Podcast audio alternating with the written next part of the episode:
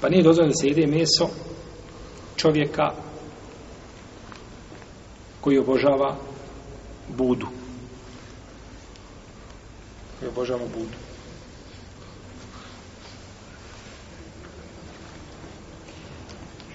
U nedjelju sam bio sa jednim našim velikim šehom,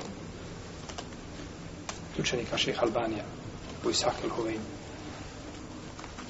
I tako smo sjedli i pričali, I uđe sada jedan tu čovjek onako uđa labi i sa... I sad bi mu lju, ruku bi mu poljubio. Misliš ga, to je sada aman i arabi. Prsnuto znanje šerijetskog. I tako kroz priču, kad se on jedan put ubaci, mi smo pričali nešto sa šehom, razgovarali, kad on se ubaci jedan put, kaže, a kaže šeh, jel kaže Buda bio poslanik? ja sam mislio kazati, međutim nije bilo, nije bio ambijent, tako da kažemo, došlo vrijeme da je Buhanif pruži noge, tako. A.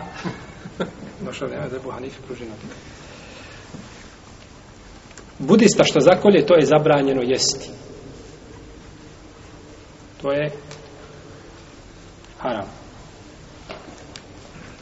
Što zakolje među usija, to je poklonik, to je, jeli, haram. Haram.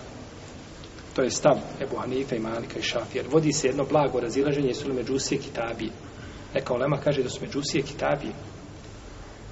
To spominje vam Kurtu bi svome tefsiru spominjeno mišljenje koje pripisuje se da seuri da kaže da postoji razilaženje među ehlu sunnetom. Da su međusije, jel isto, kitabije. A međutim, džumur Olema je da on nisu kitabije. Da nisu kitabije.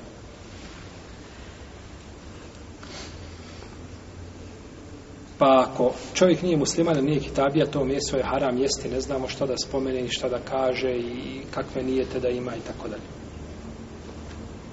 Jer oni su mušici, a mušici je ovo mjesto je zabranjeno konzumirati. Oma zubihalen nosub i ono što se zakolje, jeli, kipovima, to je zabranjeno jesti.